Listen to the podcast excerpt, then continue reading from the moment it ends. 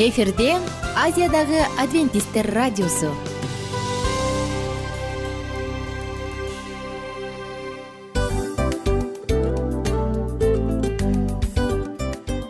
Достор салют. Баардык сүйүктүү угармандарыбызга салам айтабыз. Кутман күнүңүздөр менен. Ден соолук өмүрдүн булагы демекчи саламат саамы программасында баарыңыздарды көргөнүбүзгө абдан кубанычтабыз. Анда алгач амандашып өтөлү арбаңыздар деп ден соолугуңуздар кандай элибизде көбүнчө ден соолук кандай дегенде эле жакшы деп жооп беребиз э? ооруп турсак дагы жакшы дейбиз. Анан мен муну айтып ойлойт элем бул абдан сонун сөз депчи анткени бул жакшы деген үмүт да ооба. баары жакшы болот. Баары сонун. Деп үмүттөнүп атып эле өзүбүздү өзүбүз дарылап коебуз. Анысы кандай? Сиздин дагы ден соолугуңуз жакшы беш деген үмүттөбүз чындыгында ден соолук бул өмүрдүн булагы деп бекеринен айтылган эмес деп ойлойм. Кыргыз элинде анткени эгерде ден соолук жок болсо анда адамдын жашоосунда калган баардык керектүү маңыздуу нерселер өзүнүн баалуулугун жоготуп коет. Ошондуктан ден соолук бул эң керектүү нерсе. Ооба туура айтасың кесиптешим. Чынында ден соолугуң жок бир эки үч күн ооруп калсаң эле э кандай болуп калат? Жашоодо көз каранды болуп каласың көп нерсеге жетишпей каласың көп нерсени кыла албай каласың жада калса эчке дүкөнгө да чыга албай каласың. Туп туура анан ден соолук болсо демек биз биздин бактыбыз туудай деп койсок болот. Анда достор саламат саамы рубрикабызды баштайлы. Алдыда өзүңүзгө керектүү болгон сонун кеңештерди уга аласыздар. Мына ошондуктан биз менен бирге болуңуздар. Ал эми биз болсо милан жана айнура. Кеттик алга. Алга саламат саама ден соолуктун жарчысы. Саламат саама ден соолуктун ачкычы. Күн сайын сиз үчүн мыкты кеңештер сонун жаңылыктар кызыктуу фактылар. Биздин рубрикада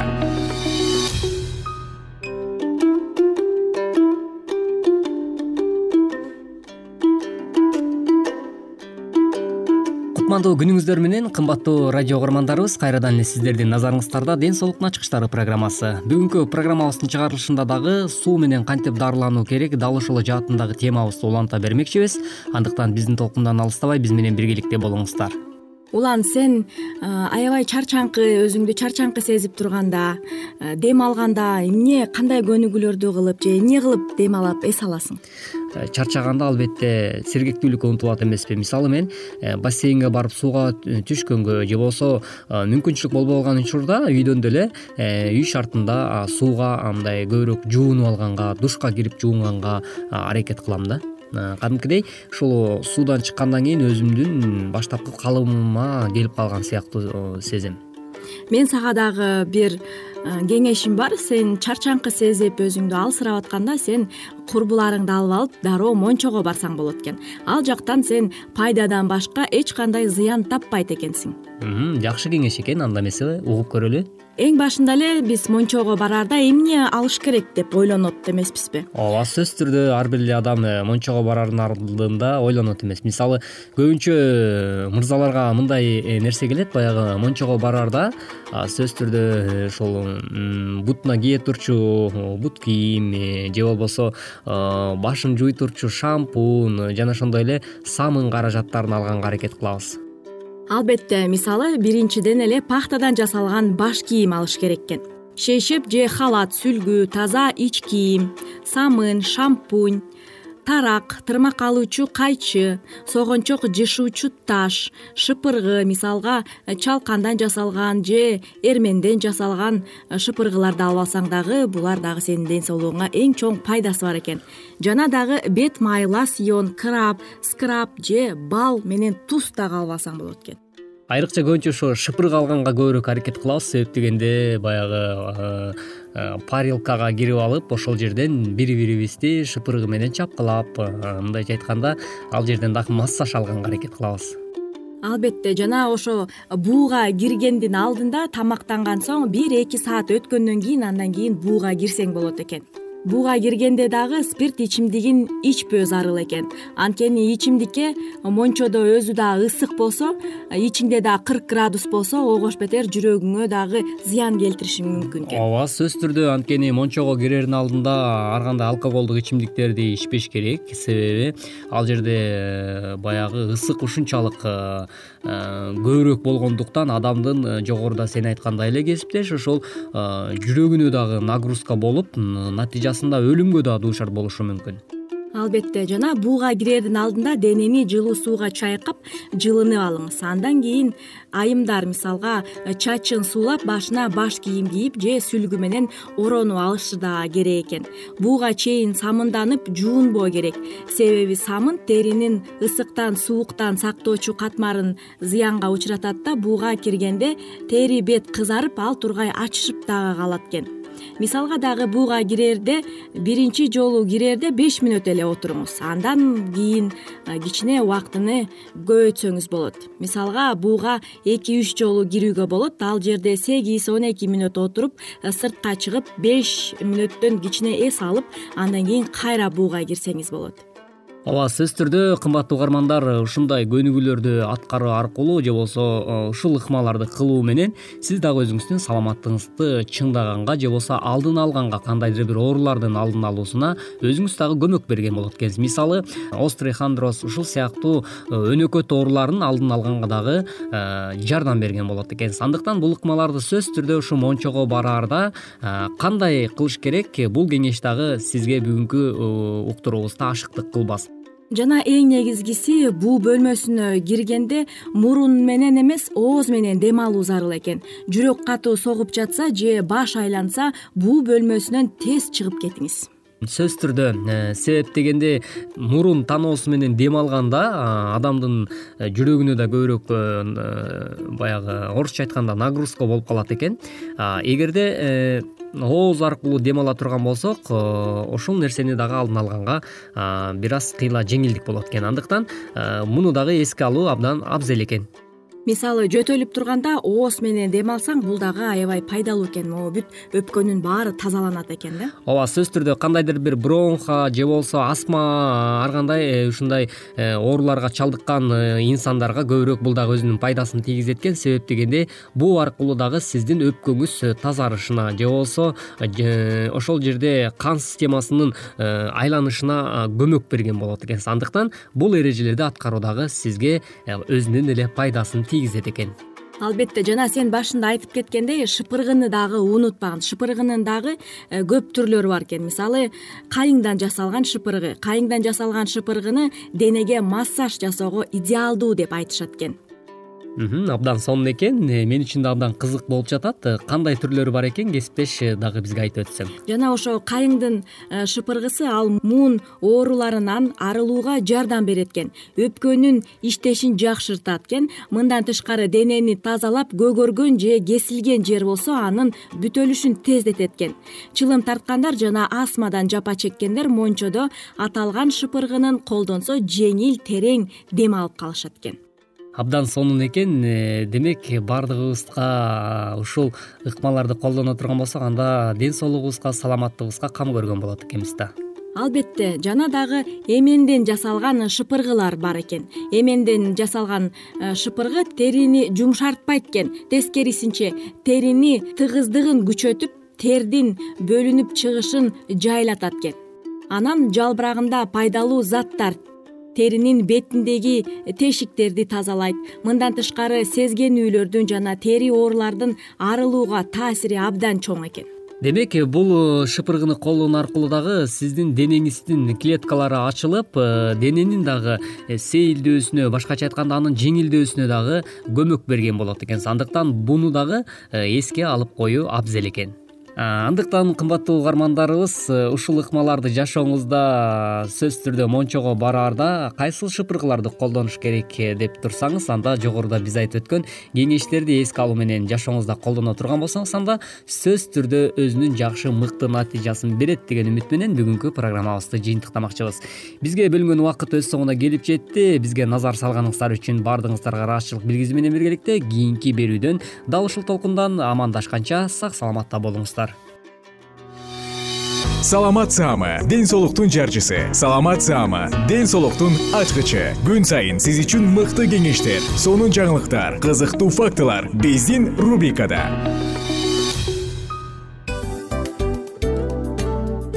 Салют замандаштар баарыңыздарга ысык салам. Дил маек программабызга кош келиңиздер. Дил маек рубрикасы дегенде эле бул эмне болгон дил маек ким менен маектешебиз деп сурайт болуш керек угармандарыбыз бул рубриканы кыскача тааныштыра кетип турган болсок ар тарап кесип ээлеринен болгон сонун интервью кеңештер бар. Ооба. Жылдыздар менен болгон маек бар. Аталарыбыздын агаларыбыздын чоң аталарыбыздан сонун кеңештер бар. Ошондой эле эже сиңдилердин кеңештери бар. Айтор баардык кызыктардын баары алдыда. Негизи эле адам баласы бир кимдир бирөөнө ишенип сырын ачкысы келет эмеспи э? Мындай баарлашууга жакын келебиз го? Албетте негизи бир жерге отуруп алып кенен шашпай баягы жүрөктөн жүрөккө ачып сырларыбызды ар кандай көйгөйлөрүбүз менен бөлүшүп баягы чын жүрөктөн маек курганды кимибиз сүйбөйбүз э? Ооба десең ал нерсеге суусап да келебиз да? Ооба кээ бирде адамга чындыгында баягы э, ысык маек баягы жылуу маек жетишпейт да. Ошондуктан биз ушул рубриканы ойлоп тапканыбызда эң биринчи эле достор сиздер менен чын жүрөктөн бир маңыздуу темаларды козгоп кеткени э, кааладык. Ошондуктан ушундай сонун бир рубриканы тартуулап жатабыз. Анын үстүнө радио дагы сонун дос да анткени э, мындай учурда досуңа айтсаң досуң досуна айтат досу досуна айтат да анан бүт өлкө билип калышы мүмкүн го. А радио болсо сени сатпаган сенин айыбыңды ачпаган сенин сырыңды эч кимге айтпаган сонун дос мына ошондуктан биздин алдыдагы айта турган кеңештерибизди биздин досторубуздун кеңештерин угуп анан ал жака пикириңизди дагы калтырып кайрадан биз менен байланышсаңыздар болот. Деги эле жашооңузга эгерде кичине болсо дагы өзгөрүү алып моралдык жактан нравовик жактан сонун бир кеңештерди алсаңыз демек биз максатыбызга жеттик. Ооба. Чыңгыз атабыз улуу жазуучу э, чыңгыз айтматов айткандай адам болуу бул күнүмдүк процесс экен. Күн сайын адам бойдон калуу бул адамзатка эң эле кыйын дейт э? э эң кыйын дейт чындыгында бунун негизинде адамдын эң баягы сапаттуулугу адамдын э, адамгерчилиги жана көптөгөн керектүү нерселер. Мына ошол темалар дагы бизде э, ушул дил маекте биз аларды да козгойбуз. Ден соолук жөнүндө да сүйлөшөбүз. Сөзсүз түрдө. Анан милан мырза негизи айтып коюшат го? Биз көбүнчө эмнени ойлонсок? Ошол нерсеге карата иш кылабыз го? Ооба. Анан анысы кандай? Балким бул радио баракчада кимдир бирөөнүн оюн текшергенге жардам берет кимдир бирөөнүн жүрөгүн текшергенге жардам берет балким кимдир бирөөгө жашоонун маңызын тапканга жардам берет айтор кызыктын баары алдыда бул жөн гана кыскача жарнама анда угармандарыбыздын баардыгын кийинки рубрикабызга чакырабыз. Ал эми кызматта маңдайымда отурган кесиптешим милан жана мен айнура. Анда эмесе биз даярдаган терең терең ойлор менен таанышууга кеттик. Алыс алыс баралык. Анда эмесе достор биз менен бирге болуңуздар. Алдыда эң кызыктуу маалыматтардын баардыгы бир нече мүнөттөр бою жалгыз гана сизге арналат. Мына ошондуктан жакшы маанай менен угууну каалайбыз үн алышканча. Жөнөдүк ар түрдүү ардактуу кесип ээлеринен алтын сөздөр жүрөк ачышкан сыр чачышкан сонун маек. Дил маек рубрикасында.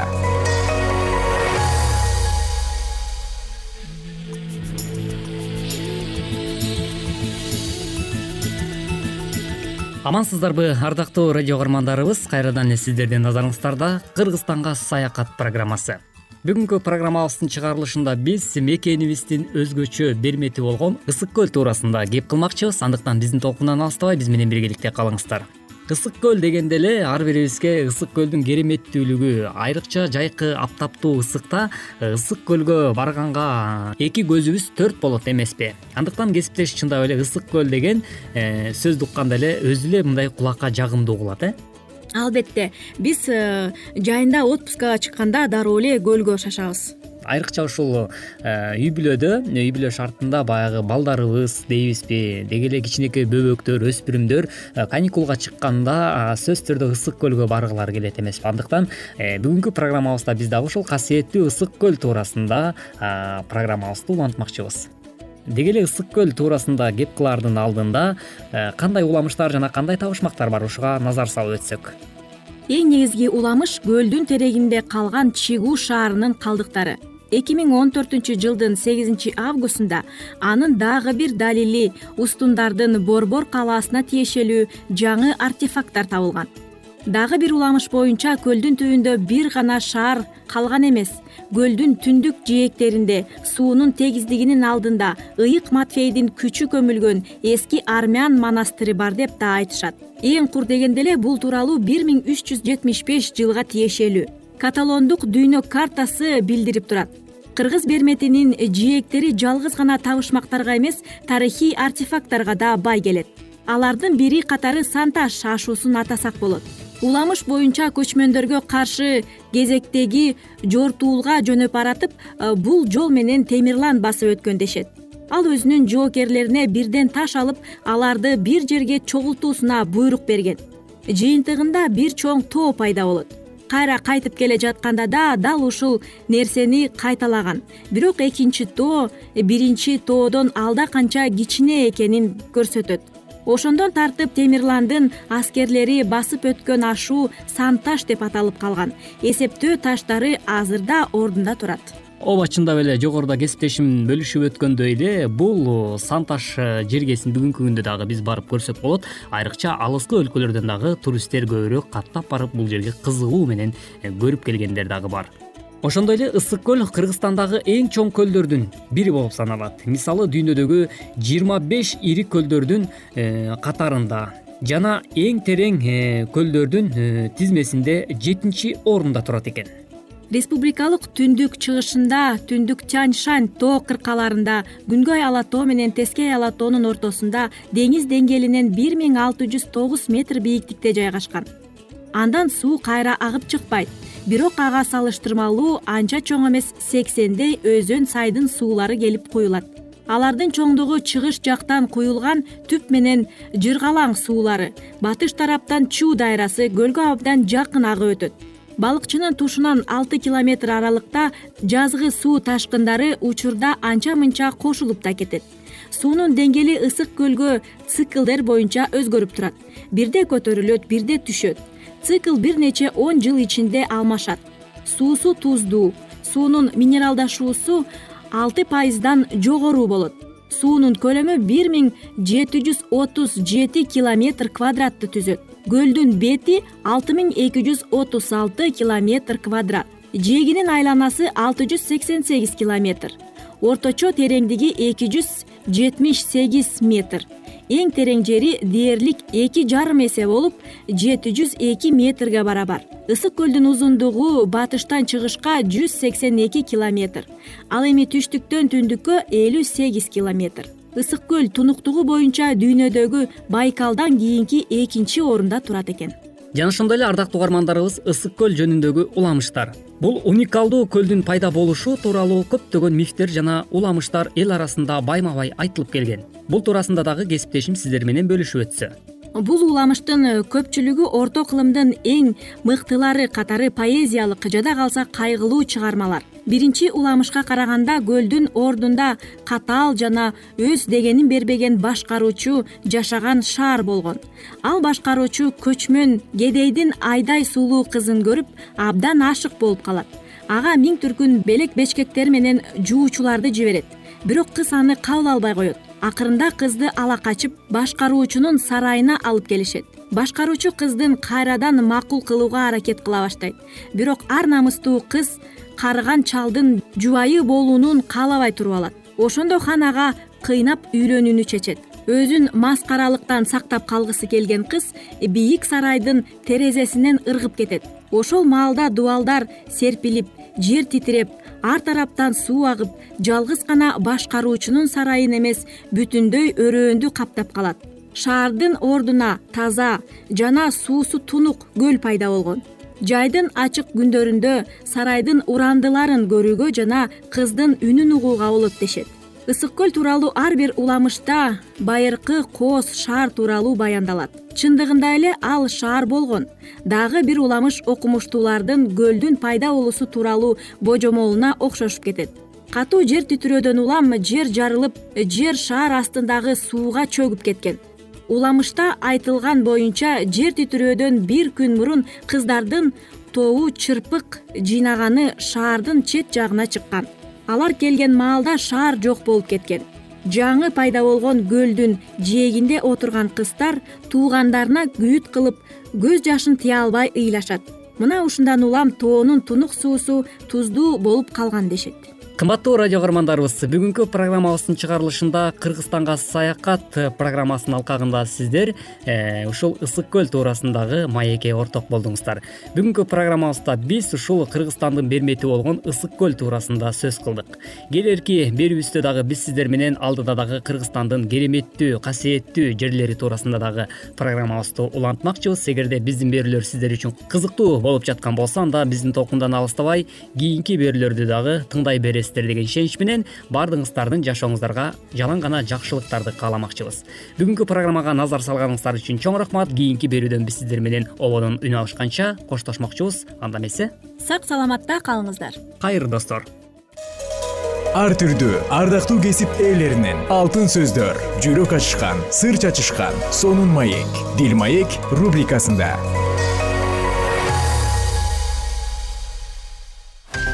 жан дүйнөңдү байыткан жүрөгүңдү азыктанткан жашооңо маңыз тартуулаган жан азык рубрикасы.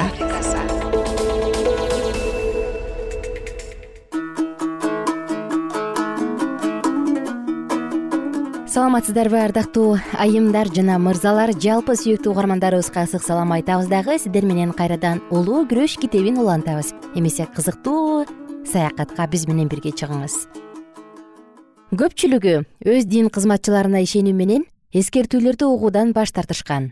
Башкалары чындыкты билишсе дагы синагогадан чыгып калуудан коркушкандыктан ачык кабыл алуудан коркушту. Теңир аркылуу жиберилген жыйынды сыноо жана тазалоо үчүн жиберилген кабар машаякка караганда дүйнөлүк жыргалчылыктарды издегендердин саны канчалыктуу көп экендигин көргөздү. Аларды асманга тартуу үчүн болгон аракеттерге караганда жердик нерселерге байлануу алда канча күчтүү болду. Алар өздөрүнө дүйнөлүк даанышмандыкты кабыл алышып жана жүрөктөрдү сыноочу чындыктын кабарынан баш тартышкан. Биринчи периштенин эскертүүчү кабарын кабыл алуудан баш тартуу менен адамдар өздөрүн оңдоо үчүн асман аркылуу дайындалган нерселерден куру калышты чыныгы күбө алардын жашоосундагы аларды кудайдан ажыратып турган нерселердин бардыгынан ажыраткысы келген. Бирок алар жек көрүү менен андан өз жүздөрүн тескери бурушуп дүйнөлүк нерселер менен баштагысынан дагы катуу достошуп кеңеш түзө башташты. Бир миң сегиз жүз кырк төртүнчү жылы жыйындар кабылып калган баш тартуу жана руханий караңгылыктардын коркунучтуу себеби мына ушунда болгон. Аян китебинин он төртүнчү баптарында биринчи периштенин артынан экинчи периште мындай деп айтканын окуйбуз. Кулады. Улуу шаар вавилон кулады. Анткени ал өзүнүн бузукулук шарабынан бардык элдерди ичирген. Вавилон деген сөз вавил деген сөздөн келип чыккан. Анын мааниси аралаш тартипсиздик. Ыйык жазууда бул сөз диний баш тартууларды жана бардык жаңылышууларды билдирет аян китебиндеги он жетинчи бапта вавилон аял катарында сүрөттөлөт. Бул символ жыйындарды түшүндүрөт. Таза аял кемчиликсиз таза жыйынды билдирген ал эми бузулган аял кудайдан баш тарткан жыйынды түшүндүргөн. Машаяк менен анын жыйынынын ортосундагы ыйык жана бекем мамиле мукадаста күйөө колукту катарында сүрөттөлүп берилет. Теңир өзүн өз эли менен салтанаттуу осуятта байлаган ал алардын кудайы болууга ал эми алар анын эли болууга жана бир гана ага таандык экендигине убада беришти. Теңир мындай дейт. Жана сени менен мен түбөлүккө никелешем. Сени менен мен чындык укук ырайымдык жана боорукердик негизинде никелешем. Ошуя китеби экинчи бап он тогузунчу аятта жазылган. Жана дагы мен силер менен айкалышкам деп жазылган жеремия китеби үчүнчү бап он төртүнчү аятта. Ошондой эле элчи павыл дагы ушул окшоштукту жаңы осуятта колдонуп мындай дейт. Себеби мен силерди таза колуктуу катарында машаякка берүү үчүн бир күйөөгө никелеп койдум. Экинчи корунтуктар он биринчи бап экинчи аят. Жыйындардын туруксуздугу качан ал машаякка ишенүүсүн токтотуп койгон болсо жана жердеги жыргалчылыктарга байланса никенин бузулгандыгына салыштырылат. Кудайдан алыстаган израилдин күнөөсү ушундайча сүрөттөлүп берилген. Жана алар баш тарткан кудайдын улуу сүйүүсү төмөндөгүдөй жүрөк толкуткан сөздөр менен сүрөттөлөт жана мен сага ант берип биримдик түздүм дейт кудай теңир. Жана сен меники болдуң. Жана сен өтө эле сулуу болдуң. Жана падышачылык атак даңкка жеттиң өзүңдүн сулуулугуңдун урматына даңкың элдер арасына тарады. Себеби мен сага кийгизген эң сонун жасалганын натыйжасында сулуулугуң артып эч кемдиксиз болдуң дейт кудай теңири. Бирок сен өз сулуулугуңа таянып даңкыңан пайдаланып бузуктук кыла баштадың. Бирок чын чынына келгенде аялы жүзү каралык менен өз жан жолдошуна арам ойлуулук кылгансыңар израиль тукуму силер дагы мага ошондой арам ойлуулук кылдыңар дейт теңир жаңы осуятта дагы кудайдын ырайымынын ордуна дүйнө менен достошуп кеткен ишенүүчүлөргө элчи ушул сыяктуу сөздөр менен кайрылат бузулгандар жана бузукулук кылгандар. Дүйнө менен болгон достук кудайга кастык экендигин билбейсиңерби? Демек кимде ким дүйнө менен дос болгусу келсе ал кудайдын душманы болот. Жакып төртүнчү бап төртүнчү аятта жазылган. Он жетинчи баптагы аял вавилон кара кочкул жана кызгылга кийинип алтын бермет кымбат баалуу таштар менен кооздолгон жана өзүнүн бузуктугунун ыпластары жана жийиркеничтер менен толтурулган алтын чөйчөк өз колунда кармап алган. Жана анын бешенесине бир ысым жазылган. Жашыруун сыр улуу вавилон жердеги бузук аялдардын жана жийиркеничтүү нерселердин энеси. Пайгамбар айтат бул аялдын касиеттүүлөрдүн жана ыйсанын көөлөндөрүнүн канына тоюп турганын мен көрдүм вавилон мындайча көргөзүлөт. Жердеги падышалардын үстүнөн бийлик кылган улуу шаар. Христиандардын падышалары көптөгөн жылдары баш ийип келген бийлик бул рим. Кара кочкул жана кызыл алтын бермет жана асыл таштар булардын баары римдин улуулугун жана текебердигин сүрөттөйт. Жана башка эч кандай бийлик туурасында ыйыктардын канына тойгон деп айта албайсың. Бир гана рим өзүнүн үрөйдү учурган катаалдыгы менен машаяктын жолдоочуларын куугунтуктаган. Вавилон андан тышкары жердеги падышалар менен мыйзамсыз байланышкандыгы туурасындагы күнөө менен айыпталат иудейлердин жыйыны теңирден алыстап бутпарастар менен биргелешип кеткендиктен бузукулук кылган болуп саналган. Жана рим дагы жердеги падышалардан жардам сурагандыктан ушул сыяктуу эле бузукулук кылып жана айыптоого кабылган.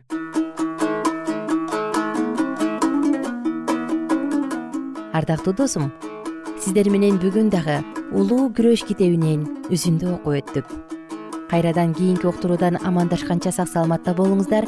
Жалпыңыздарды даарым ылайым теңирибиздин ырайымы колдоп жүрсүн. Бар болуңуздар аман болуңуздар.